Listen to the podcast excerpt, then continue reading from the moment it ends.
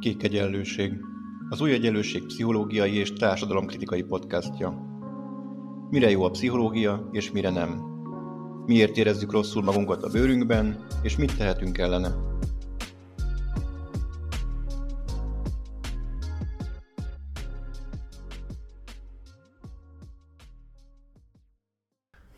Hát sziasztok, ez itt a Kék Egyenlőség adása, és itt van velem Csapó Krisztina.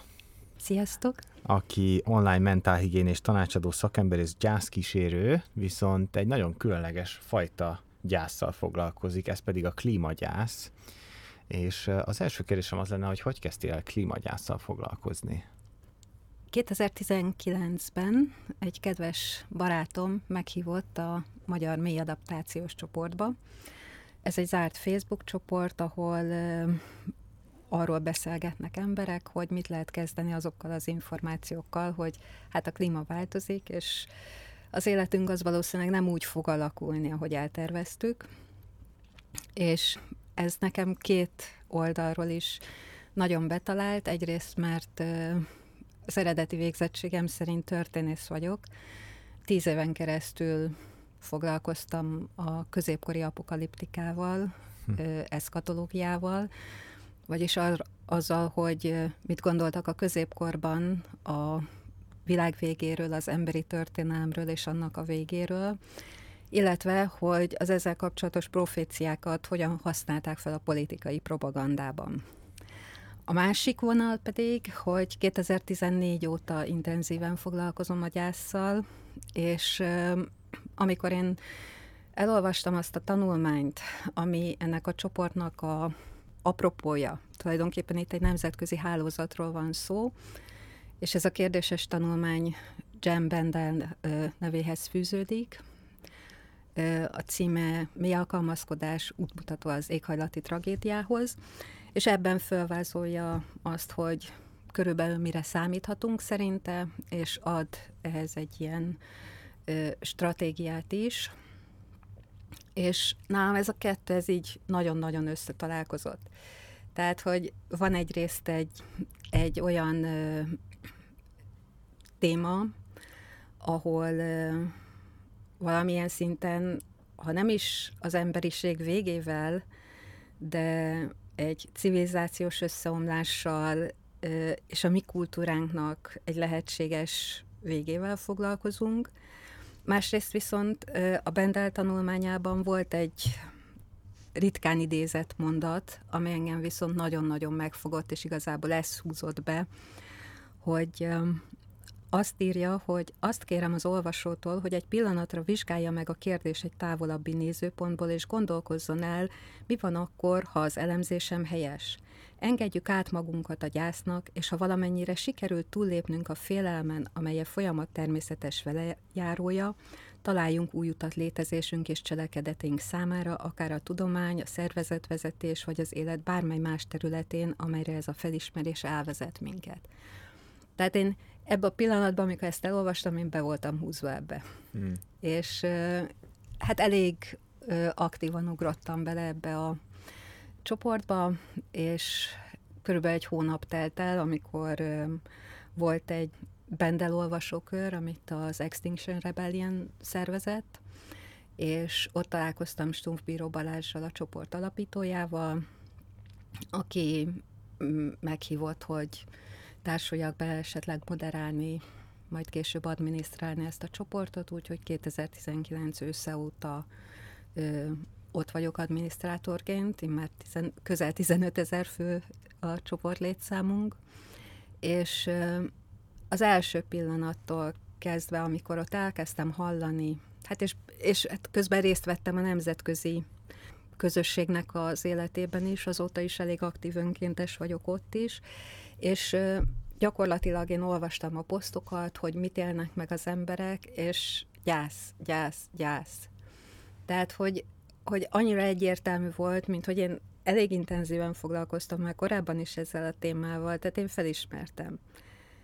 Ők leginkább klímaszorongásnak hívják, hívták, meg behozták a félelmeiket azzal kapcsolatban, hogy akkor mit hoz a jövő, és akkor most hova kell menekülni, hol lehet ezt túlélni, mit kell tanulni, ilyen kérdések jöttek, de emögött mindenhol érezni lehetett azt a hihetetlenül mély vesztességélményt, hogy, az a, hogy a világ, a, amit amiatt éreztek, hogy a világ, ahogy, ahogy mi ismerjük, át fog alakulni, sőt, már most is vannak helyek, ahol már átalakult, és, és hát ezért kezdtem el utána nézni a szakirodalomnak is, hogy akkor mit tudunk erről.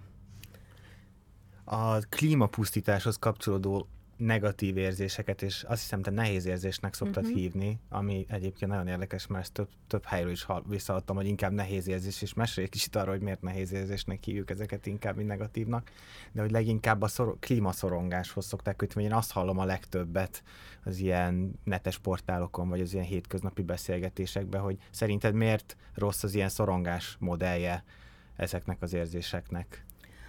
Az, ami a felszínen megjelenik, az valóban a szorongás. Ugyanakkor 2021-ben volt egy, olvastam egy, tehát megjelent egy ilyen öt éves finn interdisziplináris kutatásnak az eredménye, ahol arra megállapításra jutottak, hogy a, ami gyakorlatilag nagyon szépen igazolta addig az én teóriámat, ami addig teória volt, hogy a klímaszorongás hátterében az esetek nagy részében egy fel nem ismert és nem kezelt klímagyász van.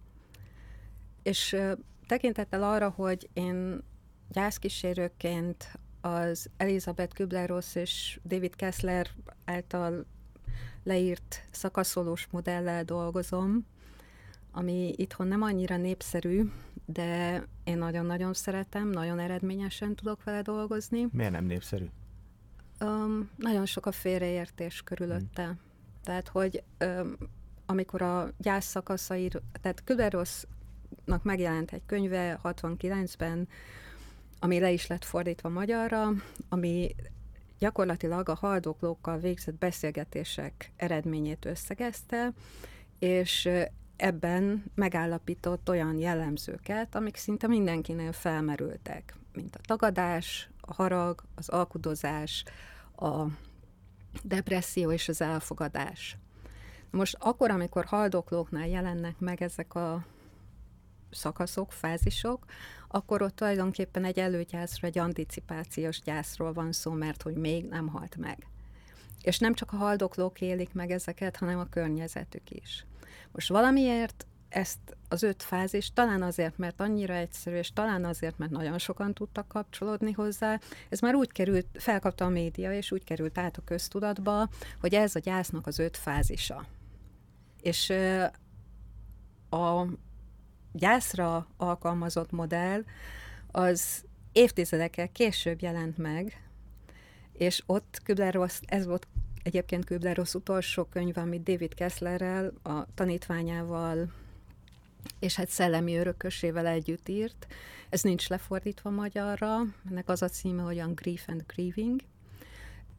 És uh, itt tulajdonképpen próbálták eloszlatni a félreértéseket, és alkalmazták ugyanezt a modellt a normál gyász folyamatra. Tehát akkor, amikor már a veszteség után vagyunk egy gyász folyamatban, és nem egy anticipációs gyászban. És ez a korrekció valahogy nem került át a köztudatba és szakemberek közül nagyon-nagyon sokan úgy gondolják, hogy ez egy hiba, és elsősorban azért, mert hogy ez azt sugalja, hogy ezeket kötelező átmenni mindegyiken, egyszer kipipálom, és akkor kész is vagyok a gyászsal, és hogy ez milyen csalódást okoz, mert hogy ez nem így van. És van rengeteg modell azóta, de ez volt az első, ez a legismertebb, és én azt gondolom, hogy ez azért nem tudott kikerülni a köztudatból, annak ellenére, hogy nagyon sokan kritizálják szakmai szempontból, mert a többi modell az elsősorban a szakembereknek ad kapaszkodót arra nézve, hogy ha gyászolóval foglalkoznak, akkor mire számítsanak, mire készüljenek, hogyan nyúljanak hozzá a témához. A Kübler-Ross modell viszont általános emberi érzéseket fogalmaz meg, és ő, ő a gyászolók nyelvén beszél. És az öt fázishoz három-négy évvel ezelőtt David Kessler hozzárakott egy hatodikat is, amit a Kübler-Rossz Alapítvány elfogadott, tehát most már a modell az hivatalosan is hat szakaszt ír le, ez pedig a, az értelem keresése, ami tulajdonképpen az egész vesztességfeldolgozásnak az integrálását koronázza meg olyan szempontból, hogy itt próbálunk, próbáljuk megkeresni azt, hogy hogyan tudunk értelmet adni az életünknek egy vesztesség után, miután minden megváltozott, és hogyan tudjuk úgy őrizni az elhunytnak az emlékét, hogy tisztelettel és több szeretettel tudjunk emlékezni, mint fájdalommal. Na most ez a modell, ezt a modellt már elég korán, tehát azt hiszem három-négy éve láttam először, hogy ezt megpróbálta valaki alkalmazni a klímagyász folyamatra is, de ez nem került be a köztudatba. 2017-ben az Amerikai Pszichológiai Társaság kiadott egy útmutatót a klímaváltozás mentális hatásairól, és ott egymás után írják le, hogy milyen veszteségekkel szembesülnek azok, akik, akik, akikben tudatosul, hogy mekkora baj van, de valahogy nem kötődik össze azzal, hogy ezt a veszteséget fel is kéne dolgozni. Tehát, hogy én abban látom, tehát ugyanakkor viszont akkor, amikor én beszélgetek valakivel, vagy akár olvasok egy cikket, hallgatok egy nyilatkozatot, nagyon-nagyon könnyű beazonosítani, hogy az illető az most éppen gyászol, vagy sem, és hogy hol tart ebben a folyamatban. Mert vannak nagyon-nagyon tipikus és könnyen felismerhető jelek. És miben kell másképp kezelni egy gyászt, mint egy szorongást? Vagy mik a sajátosságai Teljesen. a gyászmunkának? Teljesen. Tehát a szorongásra alapvetően a pszichológia javasolja egyrészt az érzelemfókuszú megközelítés, másrészt a problémafókuszú megközelítést, amiből ugye cselekvés fakad. Amit én gondolok, hogy ezzel a helyzettel egy nagyon-nagyon hatékony módszer a veszteségfókuszú megközelítés. Az, hogy szorongásként manifestálódik valami, tehát most, hogy megnézzük azt, hogy mivel küzdenek a klímaszorongók. Elveszített jövőkép. Hova kell mennem? Mindaz, amit most csinálok, az értelmetlen akkor, hogyha összeomlik ez a rendszer. Része vagyok egy olyan rendszernek, hogy nem tudok nem ártani. Tehát minden egyes alkalommal, amikor kocsiba ülök, amikor műanyag flakont veszek, akkor ártok a környezetnek. Ebből fakad egy elképesztő bűntudat. És közben ott van a harag is, hogy, hogy mert persze a globális nagyvállalatok, mert persze a politikusok, akik nem csinálnak semmit, és különben is a szomszéd a WC-re is csippel jár, és az automata öntöző rendszere esőbe is megy, tehát hogy nagyon-nagyon szépen be lehet azonosítani ezeket a, a gyászfázisokat. És hogyha, hogyha nagyon-nagyon sok öm, olyan dolog van, ami hihetetlen frusztrációt, tehetetlenség érzést kelt. Egyszerűen azért, mert egyrészt egy kontrollmániás, produktivitás centrikus civilizációban élünk, ahol megtanultuk azt, hogy ha én ezt megteszem, akkor annak ez lesz az eredménye. Tehát álmodj nagyot, csinálj belőle célt, bonts lépésekre, hajtsd végre, és akkor eljutsz oda, ahol, amit álmodtál. És egyszerűen elfelejtjük azt, hogy, hogy az eredményt az annyi minden más is befolyásolhatja. És az nem a mi kezünkben van. És, és az, hogy, hogy garantáltan veszünk olyan dolgokat, amikre senki nem adott garanciát. Tehát eszünkbe se jut, hogy az nem úgy lehet, és utána a csalódás az, az nagyon komoly töréseket tud okozni. Na most akkor, amikor valaki ebben a témában elkezd cselekedni, hogy akkor én megteszek mindent, folyamatosan szembesül azzal, hogy mennyire kicsi a saját hatóköre, hogy mennyire nincs rá hatása egy csomó mindenre. És ez nem tesz jót a mentális egészségnek. Akkor, hogyha vesztesség oldalról közelítjük meg ezt a témát, akkor gyakorlatilag egyrészt tudatosítjuk, hogy mennyi mindent veszítünk el. Most a gyász az rövid definíció szerint a veszteségre adott reakció. Nagyon fontosnak tartom azt, hogy ez egy reakció. Tehát, hogy én gyászolok vagy sem, az nem annyira az én döntésem, mert ezzel reagálok arra, hogy ér egy veszteség. Az, hogy én foglalkozom ezzel, vagy nem, az már az én döntésem. És tekintettel arra, hogy, egy, hogy a gyász az a mi kultúránkban most kezd kijönni talán a tabu kategóriából. Ez rendkívül megnehezíti ezt a egyrészt a felismerést is, másrészt meg azt, hogy hogyan kezeljem ezt. És a környezet az értetlenkedik. Tehát akit mélyen érintenek a klímaváltozás következményeivel kapcsolatos kérdések, azokat nagyon sokszor címkézik túlérzékenynek, hisztérikának, hát ez a klímahiszti, ez például egy ilyen egyik kedvenc kifejezésem, ami gyakorlatilag egy elég abuzív megközelítése ennek a történetnek. Illetve a másik problémám a klímaszorongással, meg a szorongásos megközelítéssel, az az, hogy a szorongás az egy mentális zavar. És amennyire én tudom, én nem vagyok pszichológus, de a szorongásnak általában nincs tárgya.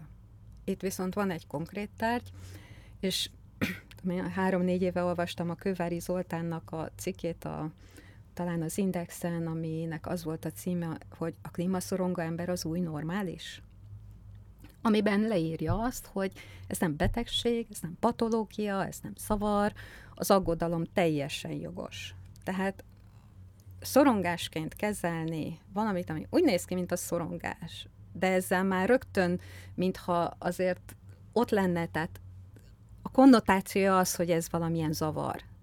Hiába mondjuk azt, hogy nem, nem, ez más, ez normális, de ha más szorongásról beszélünk, akkor a, az első asszociációja mindenkinek a generalizált szorongás, ami igenis egy zavar, amit kezelni kell. És ez nem tesz jót, mert eh, ahogy én látom, akik ezzel küzdenek, azoknak nagyon sok, tehát a, a meta érzéseik, az érzéseik miatt érzett érzéseik talán több problémát okoznak, mint az eredetiek. Egyrészt azért, mert a környezetük nem ismeri el, emiatt szégyent éreznek, másrészt ők is úgy hajlanak arra, hogy nem szorongni kéne, nem félni kéne, meg tudom én, tehát, hogy jönnek ezek az elvárások, amiket elsősorban a környezet fogalmaz meg, és, és valamilyen szinten sokszor bűntudatuk van azért, hogy hát én akkor miért, miért érzek így, és miért nem tudok mit kezdeni ezekkel az érzésekkel. A szégyennél és a bűntudatnál pusztítóbbat én nem tudok elképzelni. És tekintettel arra, hogy ezekről beszélni se lehet, ezzel egyedül küzdenek, úgyhogy bejön az elszigeteltség, és ez, hogyha nincs egy szociális háló, nincs kivel megvitatni, akkor ez egyenes út lehet a depresszióhoz. És itt például, amikor az aktivisták, akik így megtalálják egymást, és akkor ők közösen tesznek, ők valamilyen szinten védő vannak ettől, mert ők legalább egymással tudnak beszélgetni erről.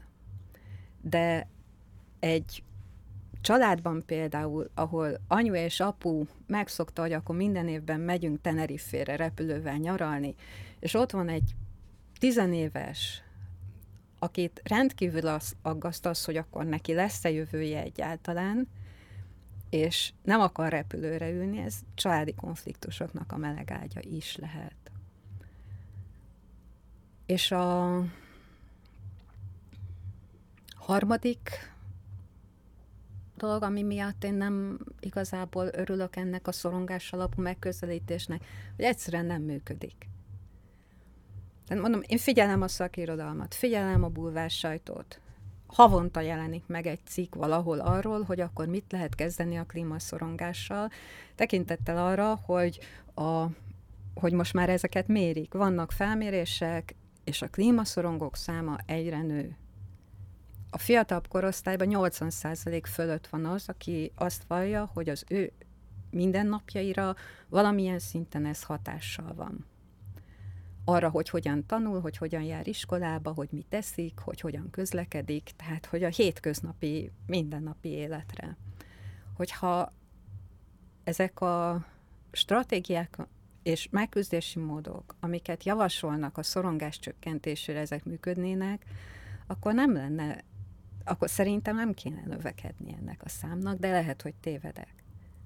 De mindenféleképpen ellentmondásnak érzem azt, hogy, hogy a számok nőnek, ugyanazok a tanácsok hangzanak el egyre gyakrabban, és ez igazából nem segít, arról nem is beszélve, hogy én vezetek klímagyász csoportokat.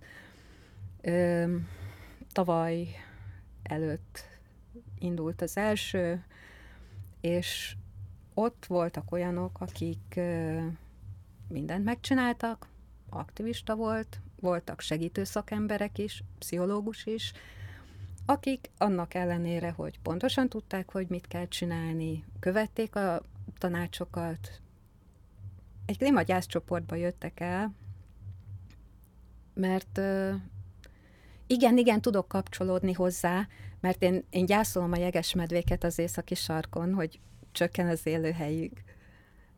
De gyakorlatilag csak egy lehetőséget kerestek, hogy beszéljenek erről valahol.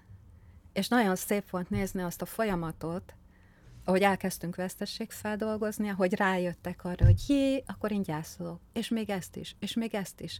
És csináltunk közösen az első alkalommal, rögtön azzal kezdünk, hogy csinálunk egy vesztességlistát. És mindenki meglepődik azon, hogy úristen, ennyi vesztesség. Nem is, nem is gondoltam rá. És minden vesztesség egy külön kis gyász folyamat, és a klímagyász ez egy nehéz gyász. Egy nagyon-nagyon bonyolult gyász. Viszont ez egy két hetente tíz alkalommal tart, ö, találkozó csoport, és a 20. hét végére gyakorlatilag eddig, aki ott volt, mindenki azt mondta, hogy már mondjuk ugye az ötödik, hatodik alkalom körül elkezdett csökkenni jelentősen a szorongása, és valamit megváltozott bennük. És igazából veszteségfeldolgoztunk szisztematikusan.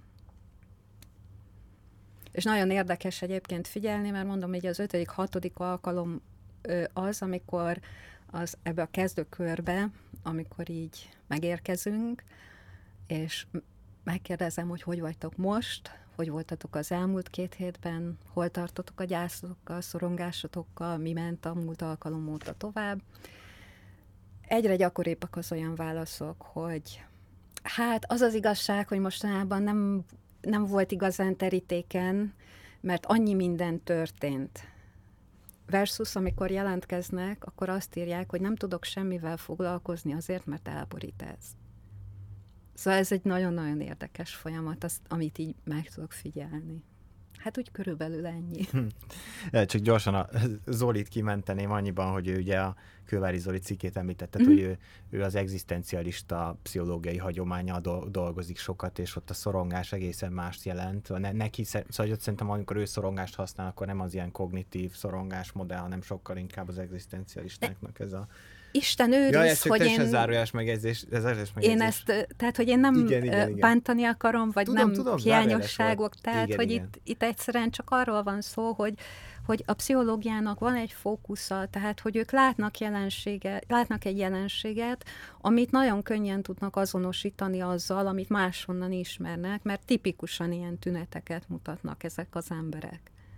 Csak az, hogy mi van mögötte, az nem lesz sokszor egyértelmű, és ebben része van annak is, hogy akik viszont pszichológusok voltak nálam klímagyász műhelyen, tehát az egy ilyen szakmai műhely, ahol megnéztük ezt a vetületét a történetnek, ott megkérdeztem, alapképzésen egyáltalán nem tanultak gyászról, klinikai szakirányon 5-6 órájuk volt az elméletekről.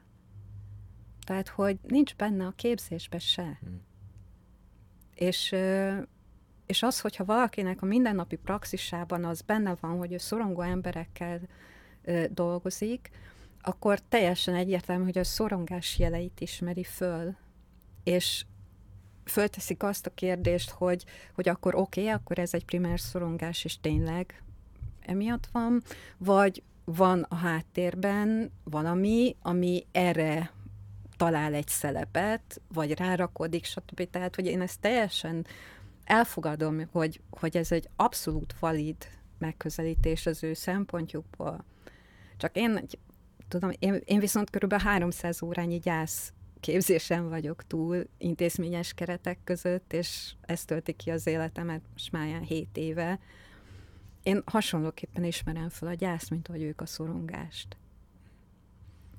És akkor a, valaki jelentkezik hozzád, nem tudom, hogy van egy, csinálsz egyénibe is ilyen gyászkísérést, vagy csoportba, hogy, hogy ha, ha csoportban inkább, akkor ez miért jobb csoportba, illetve hogy néz ki ez, ez a gyászmunka?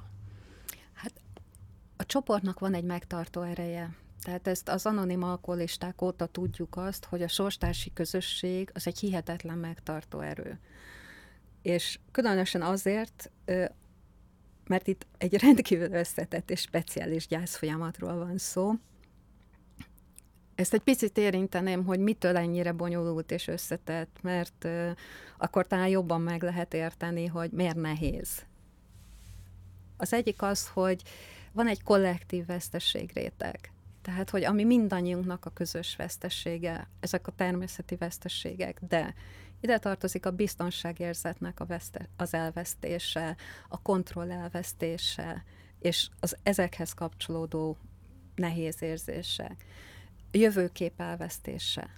Ez már az egyéni szint. Tehát az, amikor valaki éveken keresztül tanul, dolgozik, vannak álmai, kidolgozta a lépéseket, hogy hogy fogod eljutni, elképzelte azt, hogy akkor majd elvégzi az egyetemet, lesz egy családja, két gyerek, kutya, autó, nyaralások, és egyszer olvas egy hírt, valaki az arcába vágja, hogy felejtsd el, ez nem lesz. De ez egy olyan vákumba kerül, ami teljesen le- lebéníthatja. És innentől kezdve akkor most mire készüljek a, az, arra, hogy, hogy vége lesz a világnak, hogy visszamegyünk a kőkorszakba, hogy Mad Max világ lesz, mert hogy Hollywoodtól azért kaptunk egy csomó képet ezekhez a disztópiákhoz, vagy működtessem az életemet most, mert dolgozni kell járni, vásárolni kell járni, szóval, hogy ez, ez iszonyatos ö, feszültséget, bénultságot tud okozni. És ezt az elveszített jövőképet, ezt el kell gyászolni. És erről egyébként saját élményem van egyéniben, tehát akkor, amikor nekem férjem 7 évvel ezelőtt hirtelen meghalt, akkor ez egy dolog, hogy elvesztettem őt, de gyakorlatilag kukázhattam mindent, amit elképzeltem arról, hogy a hátra levő életünkben mit fogunk csinálni, és teljesen újra kellett tervezni mindent.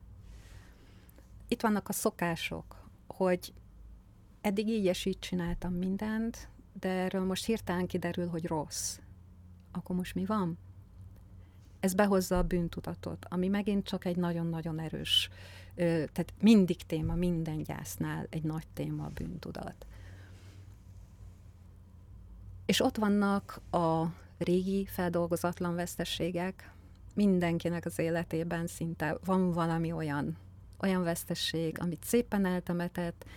Egy új vesztesség, ez egyébként szakirodalmi közhely, hogy az új vesztesség mindig felszínre hozza a fel nem dolgozott veszteségeket. Ez olyan, mintha régi sebek kopogtatnának gyógyításért.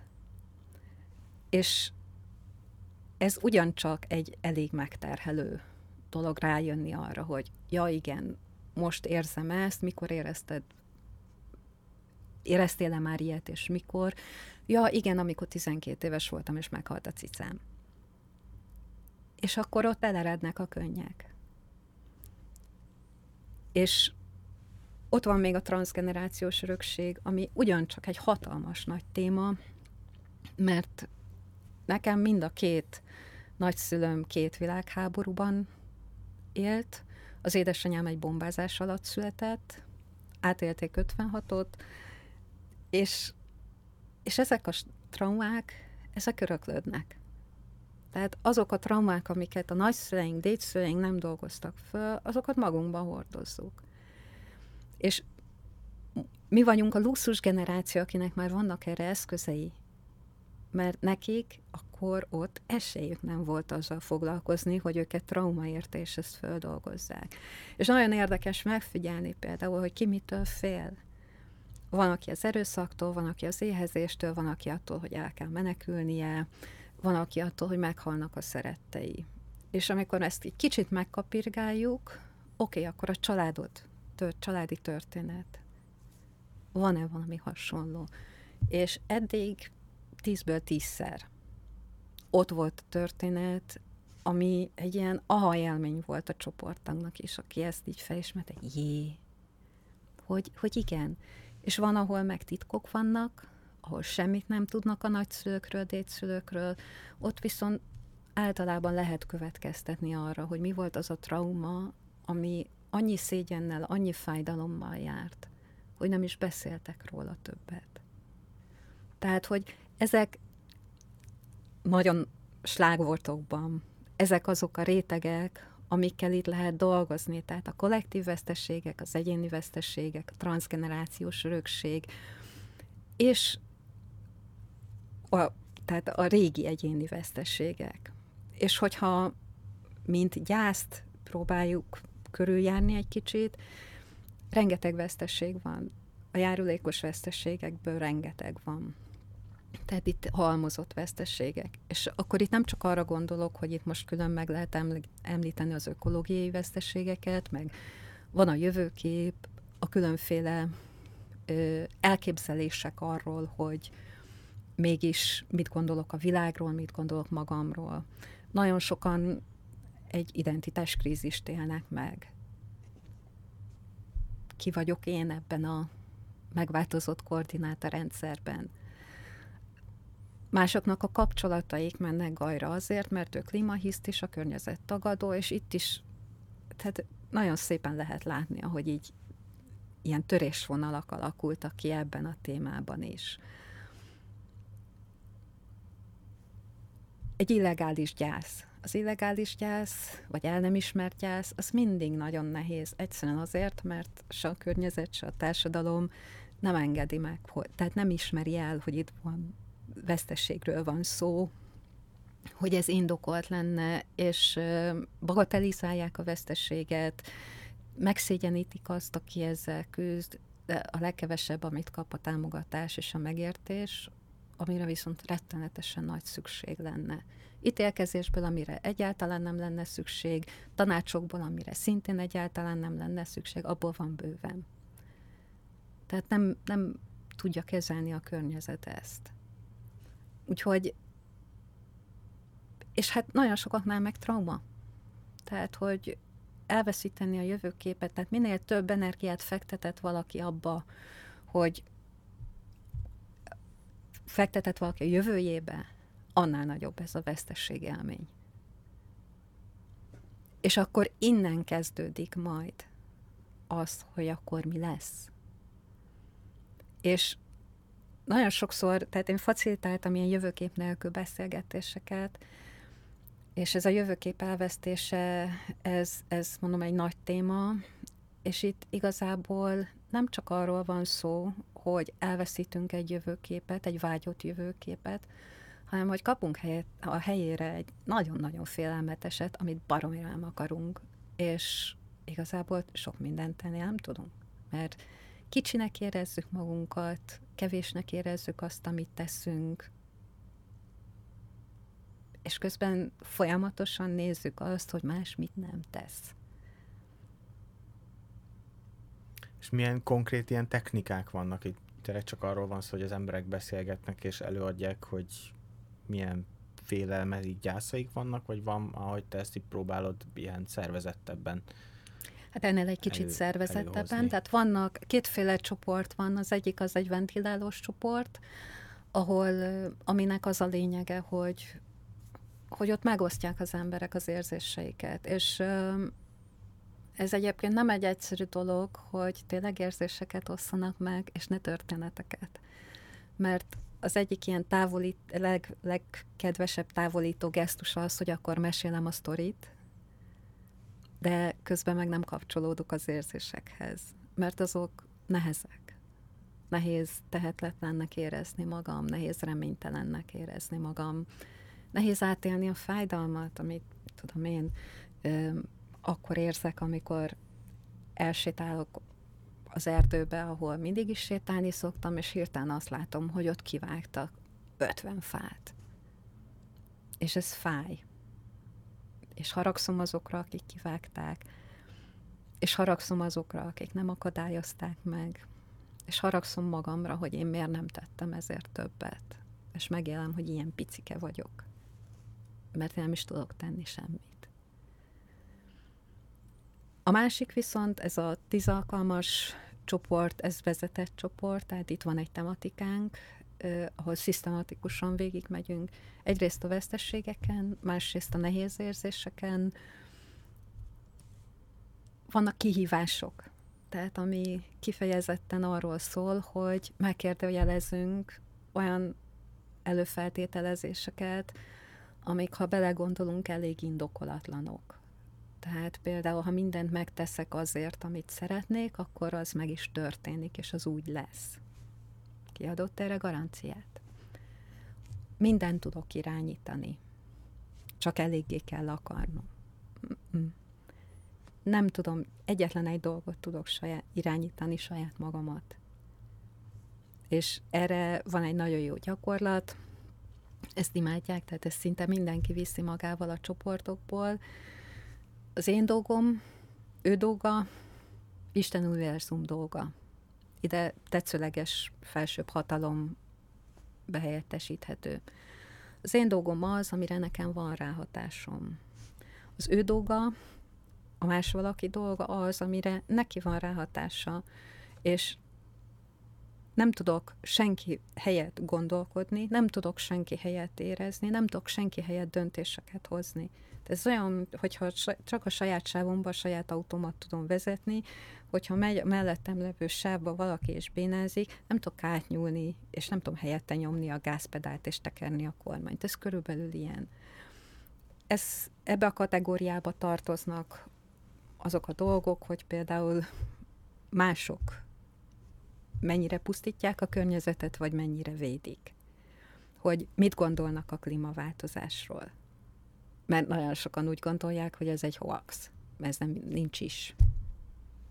Szélsőséges esetben a gyík embereknek a propagandája. És akkor van az Isten univerzum dolga, ami egyszerűen nem emberi kompetencia, ami mindannyiunk fölött áll. Most teljesen érthető, hogyha a más dolgában, meg az Isten univerzum dolgában nem tudok hatékony lenni.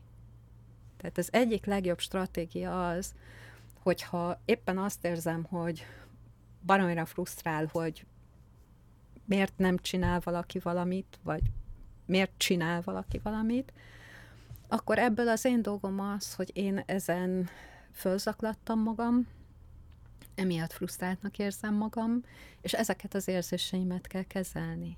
Beszélgethetek vele, vagy akármi, de közvetlen ráhatásom nincsen arra, amit ő csinál. Elsősorban a saját érzéseimet kell kezelni, amit ő kivált belőlem. Én viszont megtehetem azt, amit én helyesnek gondolok. És ez egy hihetetlen felszabadító erővel hat, mert mert az egyik egyes számú frusztrációt iktatja ki, hogy tehetetlen vagyok.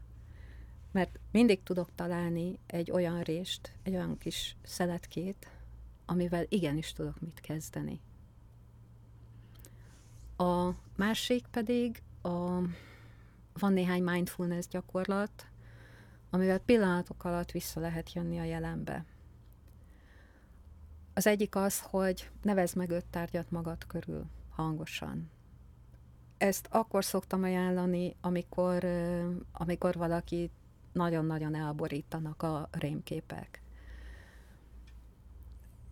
És ilyenkor lehet tudatosítani, hogy igen, ez a jövő, ez egy nagyon valószínű jövő, de itt és most, itt ülök a szobámban, itt az asztal, a szék, a polc, a nyomtatom, a számítógépem, ez az, ami van. Az meg majd lesz.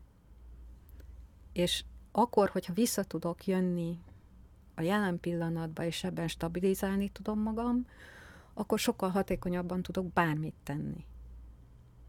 Hasonlóan jó az, hogy figyelni az öt érzékszervre. Ez is pillanatok alatt visszaránt a jelenbe. Mi az, amit érzek illatot, mit látok, milyen íz van a számban, mit hallok, milyen érzés a bőröm, hogy ahogy hozzáér a ruha, ilyesmi. És, és ezek különösen azoknál, akik nagyon erősen klímaszorongók, vagy pánikrohamaik vannak, ezek uh, talán még jobban működnek, mint a klasszikus figyelje a légzésedre. Mert azt, azt tapasztaltam, hogy amikor beviszem a légzésfigyelős gyakorlatot, ami szintén egy, mondom, egy ilyen klasszikus, hogy hogyan stabilizáljuk magunkat, megjöjjünk vissza a jelenbe, olyan idegesek tudnak lenni tőle, hogy elképesztő. És vagy a meditáció, amit ugyancsak meditálj, kapcsolódj a természetes, stb. Egyszerűen akkor, amikor vesztességbe vagyok, amikor csúcsra jár az összes érzékem, és próbálom ezerrel kitalálni, hogy hogy fogom ezt túlélni. Ez nem az a pillanat, amikor az ember leül, és azt mondja, hogy zen. És akkor most meditálok. És hát több ilyen is van egyébként, tehát minden alkalomra van egy-egy ilyen téma, amit így megnézzünk, hogy akkor ez most mennyire igaz, mennyire jogos ez az elvárás. Meg vannak gyakorlatok, amiket el lehet vinni és gyakorolni. Mondta talán, hogy a fiataloknak a 80%-ára valamilyen hatással van a klímaváltozás, és hogy én is azt érzékelem, hogy azért a legtöbb ember a környezetemben azért tisztában van azokkal a tényekkel, hogy az emberi ilyen klímapusztítás az ilyen hihetetlen mértékű, és valami a jövőben történni fog, amilyen negatív esemény, de sokan úgy reagálnak, hogy technooptimisták, majd lesz valami, vagy úgy egy kicsit szoronganak, de annyira nem érdeklik, és akkor ugye jönnek azok az emberek, akik akár pánikralmat kapnak, vagy mondjuk klímaaktivisták lesznek, és nagyon sok időt, energiát arra áldoznak, hogy változtassanak, hogy te látsz valamit, hogy, hogy milyen belső tényezők vannak, ami miatt egyes emberek ennyire szoronganak a klímakatasztrófán, vagy ennyire aktívan cselekednek erre a tényre, vagy ezekre a tényekre? Ez nagyon egyéni. Tehát amit én látok az, hogy vannak született reziliensek, vannak olyanok, akiket már így belerakott az élet a hústarálóba pár alkalommal, tehát ők tanult reziliensek, könnyebben alkalmazkodnak, és vannak, akiket, akik most válnak reziliensé. Ez egy nagyon rögös út, mondjuk úgy.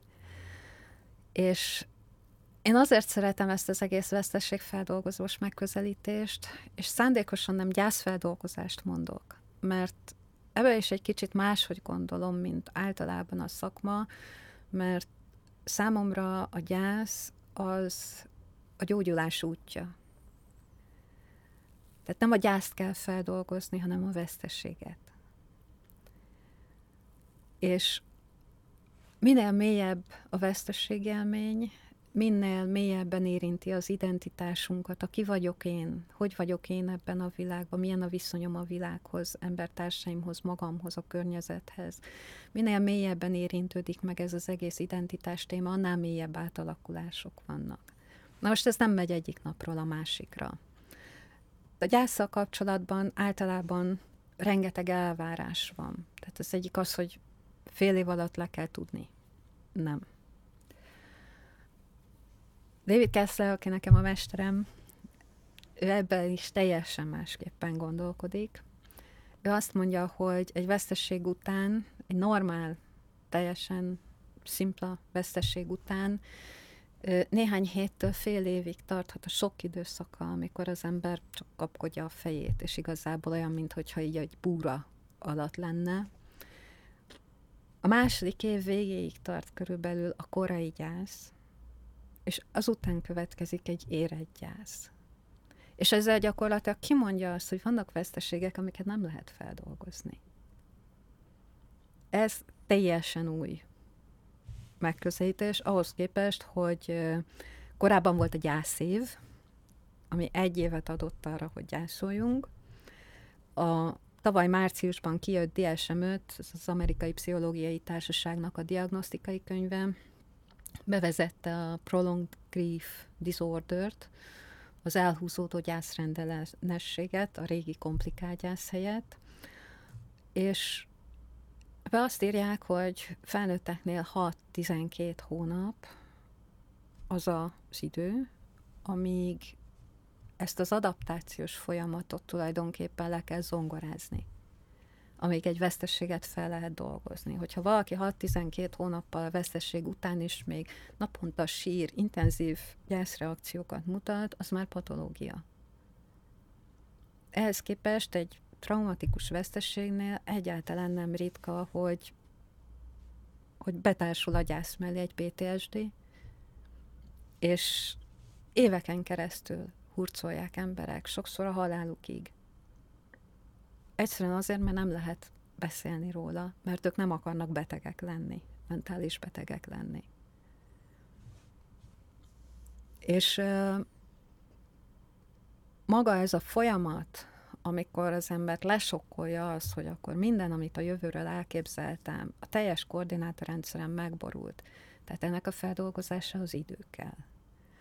És azok, akik már átmentek több veszteségen, túl vannak több gyászunkán, ö, megdolgozták a traumáikat, foglalkoztak transgenerációs örökséggel, vagy egyszerűen úgy születtek, hogy ez már nekik így sikerből megvolt, tehát más alkat. Azoknak ö, könnyebb ezt kezelni. Illetve van egy másik csoport, akik viszont olyan szinten hárítják ezt az egészet, hogy nem is akarnak foglalkozni vele, nem is akarnak tudni róla, mert ők azt szeretnék, hogy éljék tovább az életüket, ahogy tegnap, tegnap is fölkelt a nap, ma is fölkelt a nap, holnap is föl fog kelni a nap. Erre sincs garancia mondjuk, de valamiért ezt feltételezzük. Náluk alapvetően inkább arról van szó, hogy, hogy olyan szinten borítaná meg őket, hogyha ezt az információt beengednék, amit nem tudnának megúszni egy komoly pszichés károsodás nélkül. Tehát, hogy ez a tagadás, az egy önvédelmi reak- me- mechanizmus tulajdonképpen. És akkor vannak azok, akik aktivisták lesznek, akik viszont, akik ö, úgy gondolják, hogy ö, tehát hogy ők érzik, ők be tudják engedni, tehát bennük az az erő megvan, hogy ezt beengedjék, viszont ők általában az alkudozás fázisban akadnak el. Tehát ott ez a, ez a ha mindent megteszünk, akkor megállítjuk a klímaváltozást. Mert az, hogy az számukra is elviselhetetlen, elképzelhetetlen, hogy ne. És nagyon nagy különbség van a között, hogy hogyan, honnan kezdünk el cselekedni. És én ezért tartom zseniálisnak a mély adaptációt, mert uh, ott arra keresünk válaszokat, hogy hogyan lehet szeretetből, egy együttérzésből cselekedni, értékek mentén, nem pedig félelemből és menekülésből, ami egy hatalmas nagy életminőségváltozást hoz, hogyha valaki végigmegy ezen a folyamaton. De ez nem megy így csettintésre egyik napról a másikra. És ahogy én látom, a veszteségfeldolgozás egy kiváló út erre. Ha most újra feljött a mély adaptáció, ami szerintem is egy nagyon izgalmas mozgalom, hogy ugye csináltunk egy olyan analógiát, hogy mondjuk a, ha veszteség, meg gyász, meg ilyesmikről beszélünk ki úgy is, hogy mondjuk egy halálos ítélet, valaki kap egy uh-huh. rákdiagnózist, hogy neked hat hónapod van hátra, meg fogsz halni, akkor nyilván ez egy ilyen anticipált gyászreakció indít el, és akkor mondjuk tagadunk, alkudozunk, stb. De a végén a cél az, hogy elfogadjuk, hogy mi meg fogunk halni és tulajdonképpen a mi adaptáció az olyan nekem, mintha ezt, ezt mondaná, hogy ugyanez a helyzet, most kaptunk egy civilizációs halálos ítéletet, tagadunk, alkudozunk, nem tudom, de igazából az lenne helyes, hogyha elfogadás irányába mennénk, és egy ilyen mentálisan adaptálódnánk ehhez. De hogy nem veszélyes ez abban az értelemben, hogy hogy nem azt mondja, hogy cselekedjünk, menjünk kemoterápia, is próbáljuk meg megváltoztatni a helyzetet. Nem teszi le passzívabbá az embereket, hogyha ennyire az elfogadás kerül előtérbe, vagy az elfogadás lesz a végcél. Egyáltalán nem. én legalábbis ezt nem láttam még. Az elfogadás az egyszerűen csak annyi, hogy föladjuk a vitát a valósággal. És a valósággal vitatkozunk, akkor ott csak veszíthetünk. Tehát iszonyat sok energiát szabadít föl arra, hogy tényleg cselekedjen az ember értelmesen, és meg lehet tanulni egyébként. Tehát, hogy, hogy itt meg lesz egy idő után az, hogy az els, amikor az első sokkokat, az első veszteségeket dolgozzuk föl, akkor azért mindenkinek kiderül, hogy mindenkinek vannak már élményei azzal kapcsolatban, hogy amikor, amikor ilyen és ilyen vesztesség ért, akkor ezt a stratégiát alkalmaztam, és nekem ez működött. Vagy amikor ezt és ezt éreztem, akkor ez és ez segített kihozni belőle. Itt csoportokban tudatosítjuk ezeket, hogy vannak neked eszközeid. Illetve a másik nagyon-nagyon fontos dolog, hogy azzal, hogy készítünk egy vesztességlistát, és ránézzünk a vesztességekre, teret adunk annak, az összesen érzésnek, ami ezekhez kapcsolódik, automatikusan megjelenik a végén az, hogy mi az, ami megmaradt. És ezzel együtt jön az is, hogy ösztönösen hálásak leszünk azért, ami még van. És nagyon-nagyon más, mint a légy hálás. A légy hálás az egy olyan embernek mondva, aki éppen gyászban van, aki éppen kétségbe van esve, az egy nagyon-nagyon brutális empát, mindenfajta empátiát nélkülöző fölülről jövő tanács. Én ez, erre nagyon-nagyon haragszom. Mert most divat az, hogy akkor hálásnak kell lenni mindenért. Persze, a hála önmagában gyógyító. Én is úgy gondolom egyébként, hogy neuropszichológusok kimutatták, hogy milyen hormonális változásokat okoz, és milyen hormonokat szabadít fel, tehát a legjobb antidepresszánsra hála, de nem külső felszólításra, és nem a veszteségek és a nehéz érzések megélése helyett, hanem akkor, hogyha ezeknek teret adunk, és ezt megéljük, utána ez automatikusan megjelenik. Tehát ez egy teljesen organikus folyamat.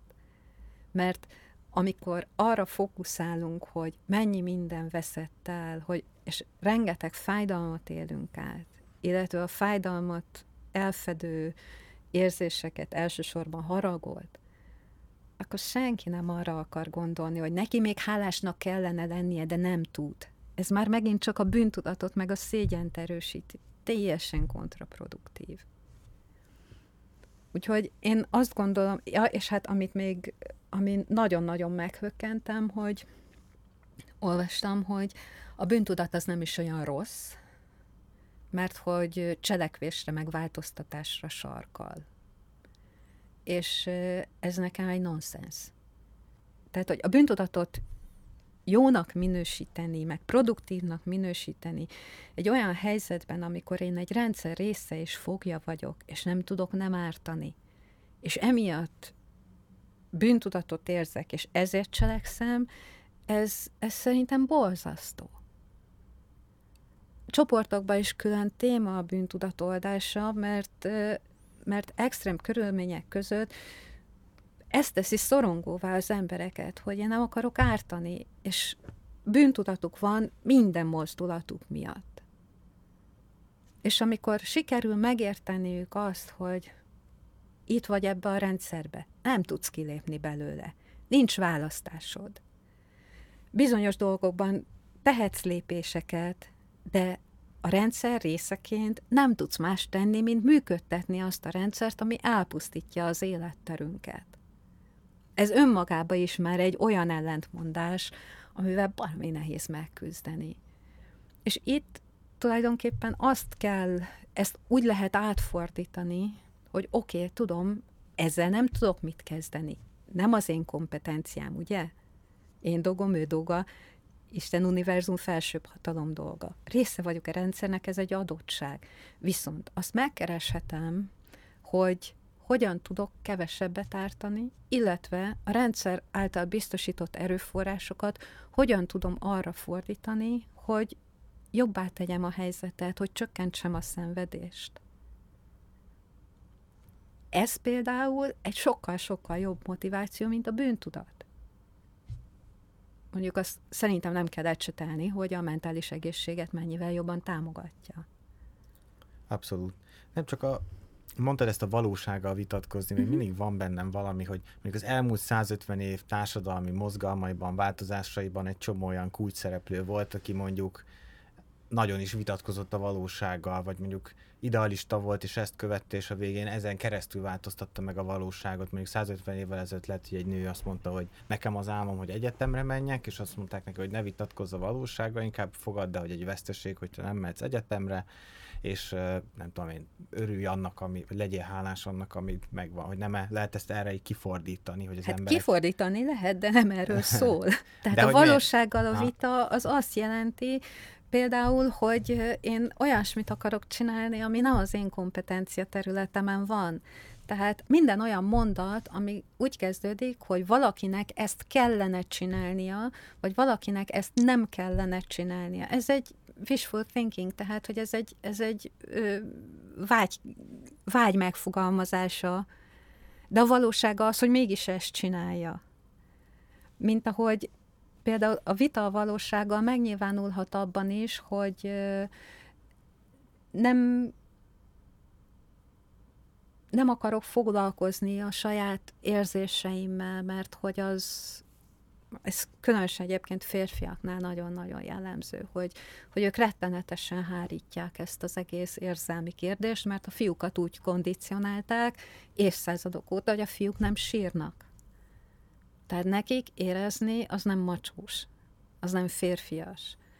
És ettől még az érzések ott vannak. Tehát lehet vitatkozni azzal, hogy mit kellene éreznem szerintem, vagy mások szerint, és mi az, amit valójában érzek. Tehát, hogy itt, itt nem annyira arról van szó, hogy most nyugodjunk bele abba, hogy egy ilyen világba élünk, és akkor itt nem tehetünk semmit. De egy csomó mindent tehetünk. De azt például ö, azzal frusztrálni magam, hogy a globális nagyvállalatok azok miért ezt csinálják, vagy akár, hogy a háttérhatalmak el akarják pusztítani az emberiséget, vagy tudom én, be akarnak csippelni minket. Mit tudok ezzel kezdeni? Semmit. El tudok menni és tüntetni, és azt mondom, hogy de ne csináljátok. És változik valami? Nem. Tehát ezért gondolom azt, hogy, hogy valóság az is, hogy tehát a valóság az nagyon sokszor, amivel a legtöbbet vitatkozunk, az a saját belső érzelmi valóságunk, a saját megéléseink.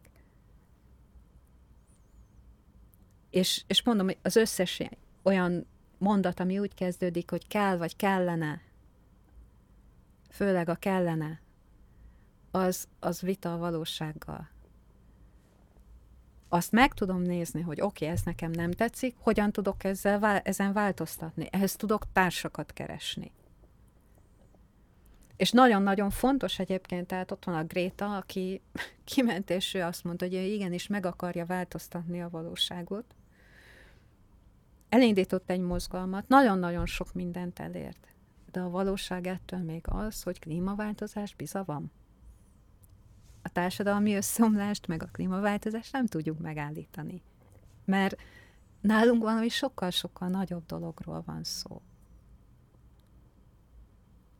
És nem is beletörődés egyébként, tehát hogy, hogy én egyáltalán nem vagyok beletörődés párti, bár az elfogadás útján sokszor ott indulunk, hogy beletörődünk, hogy ez van.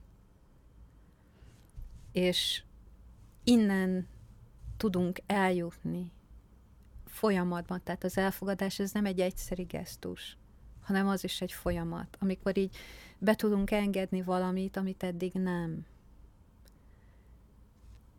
És akkor, amikor már sok mindent így sikerült beengedni, elfogadni, hogy ez az, ami van, tehát az, hogy nincsenek garanciák arra, hogy az én gyerekeim, meg az unokáim, azok ugyanolyan jólétben fognak fölnőni.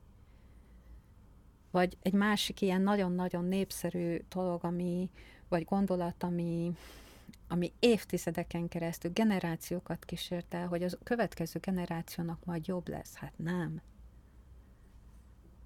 már a mostaninak se jobb.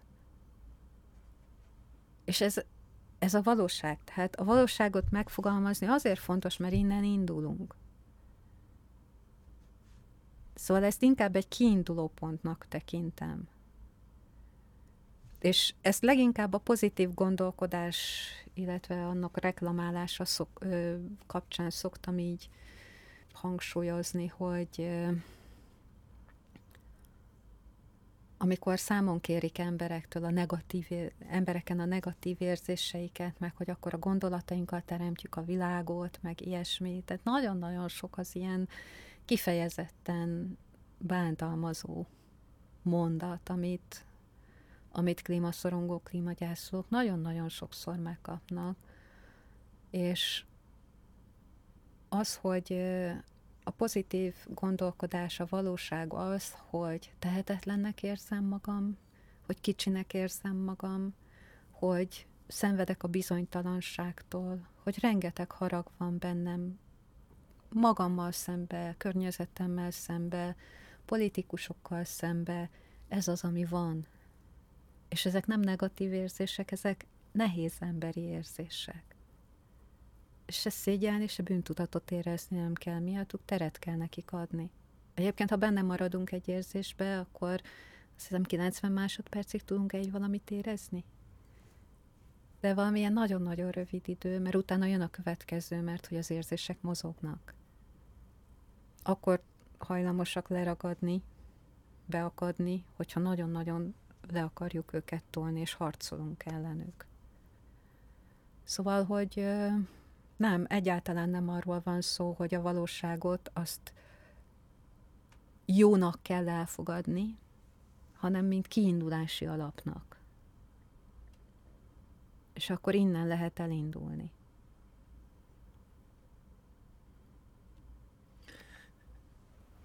Még keretes szerkezetbe teszem a beszélgetésünket, nem akartam az elején félrevinni, de szerintem nagyon izgalmas, hogy pont középkor ilyen apokalipszis víziókkal foglalkoztál. Uh-huh. Csak kicsit mesélsz arról, hogy mi volt ezeknek a funkciója, vagy hogy ezek szerint mindig voltak az emberiség történetében ilyen apokalipszis képek, és ez hogy nem? Tulajdonképpen van egy kis párhuzam is abban, hogy most is van egy ilyen nagyon erős apokalipszis Abszolút. kép. Hát egy zsidó-keresztény kultúrában élünk, és ott van a jelenések könyve.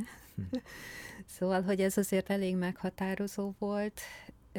Én annyit látok párhuzamként, tehát, hogy igazából olyan sokat nem változtunk 2000 év alatt mert régen a Biblia és a papok voltak, a, a Biblia volt a referencia, és a papok magyarázták, és ez egy ilyen vallásos köntösben jelent meg. Most a tudomány vált egyfajta vallásra, és a mérések, a számok helyettesítik gyakorlatilag, meg az elméletek a Bibliát, és vannak tudósok, akik ezt megmagyarázzák nekünk de mindenkit, persze, hogy mindenkit érint, érdekelt, minden korszakban voltak ilyenek, és ez, ez mindig is foglalkoztatta az embert, hogy egy kicsit kitekintek, akkor így a saját életemen túl az egész emberiségnek a története az hogyan zajlik. Hát mi volt a funkció? Mert azt mondtad, hogy a politikusok is ezt Jó, hát használták. Hát igen, igen, igen. Hát konkrétan arról szakdolgoztam, hogy második Frigyes német-romai császár hogyan jelent meg antikrisztusként, messiásként, illetve utolsó világ császárként a közép a pápaság császárság harcában, a politikai propagandában.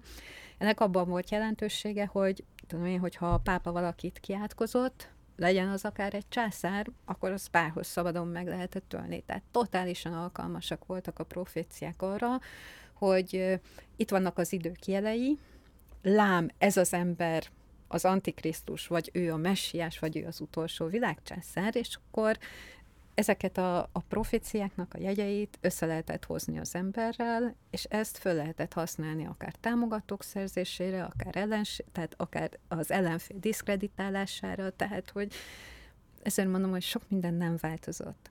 A másik, ami nagyon érdekes, hogy már akkor is voltak a, a pacsírták és a bagyok.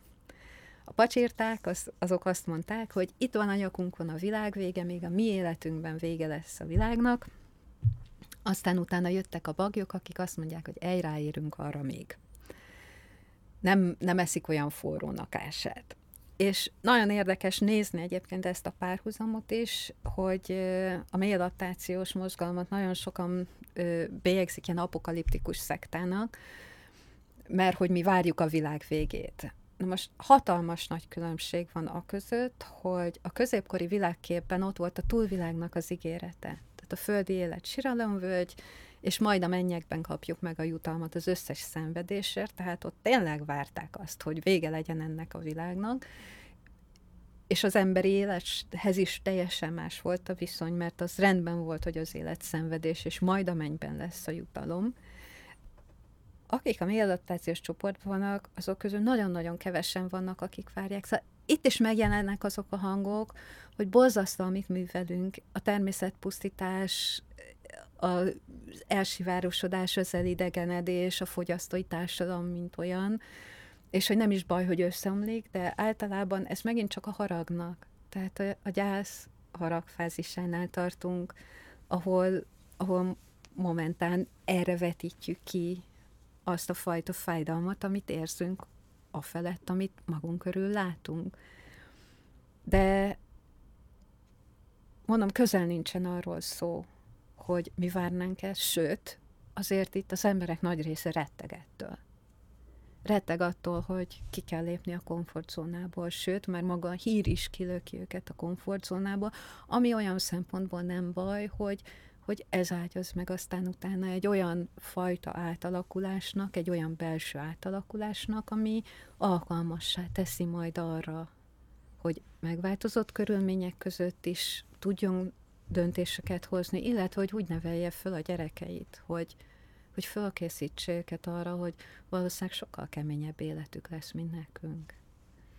Hát nagyon szépen köszi a beszélgetést, szerintem nagyon jól körbeártuk a témát. Van-e valami végszó, amit adnál ennek a beszélgetésnek?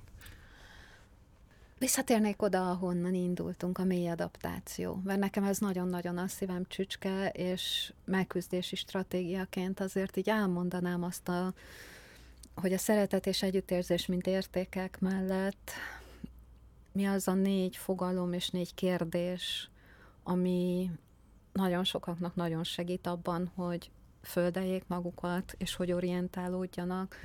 Az első az a reziliencia, ami egy kiterjesztett reziliencia fogalom, és ehhez az a kérdés tartozik, hogy mi az, ami értéket jelent számomra akkor is, hogyha amit meg szeretnék őrizni, akkor is, hogyha túlélésért küzdök. És ez azért nagyon fontos, mert hogyha megvannak a stabil értékeink, amiért tudunk küzdeni, és nem a klímaváltozás vagy a társadalmi összeomlás ellen küzdünk, ami totál reménytelen, akkor teljesen mindegy, hogy mi lesz az eredménye, akkor is tudjuk, ért, tudjuk vállalni, és akkor is érdemes, mert érték.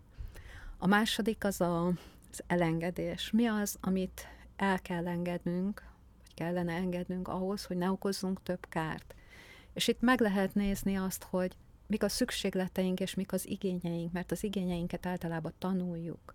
És sokkal könnyebb most leépíteni az igényeket, mint egyszer elviszteni egy csomó mindent, amire azt gondoljuk, hogy szükségünk van ahol, arra, ezekre ahhoz, hogy boldogok legyünk, pedig nem és ezekkel, ezeknek az igényeknek a visszafogásával, elengedésével általában megvan a jó közérzetünk is, és teszünk valamit azért, hogy ne okozzunk több kárt. A harmadik a visszahozás. Mit hozhatunk vissza abból, amit a régiek tudtak, ami segíthet nekünk a nehéz időkben, és itt nem csak a, hogy kell befőzni, és hogyan kell kézzel mosni, hanem azt a fajta kapcsolatot a természettel, az évszakokkal, a ritmusokkal, amit a régiek még tudtak, a nagyanyámék is még tudtak, de mi már eléggé elfelejtettünk. És a negyedik pedig a megbékélés, hogy mivel, kivel kell megbékélnünk ahhoz, hogy csökkentsük a szenvedést. És itt a jeepes szomszédtól kezdve a politikusok, a globális nagyvállalatok, a saját korlátaink, de átmehetünk olyan transzcendens kérdésekre is, hogy halandók vagyunk, a szeretteink is halandók. és hogy nem tudunk mi mindent kontrollálni. Tehát, hogy ezek a, a mély adaptáció ezzel járul hozzá ahhoz, hogy, hogy egy kicsit máshogy nézzünk az életünkre, és, és hogy értelmet tudjunk adni a mindennapjainknak, akkor is, hogyha záros határidőn belül a világunk felismertetetlenségig megváltozik. Hát nagyon szépen köszi, akkor legyen ez az árszó. Köszönöm szépen. Ez volt a Kék Egyenlőség Podcast e-havi adása. Hallgassátok a Piros és az Öt podcastot is, olvassátok az újegyenlőség.hu-t, vagy keressetek minket a Facebookon.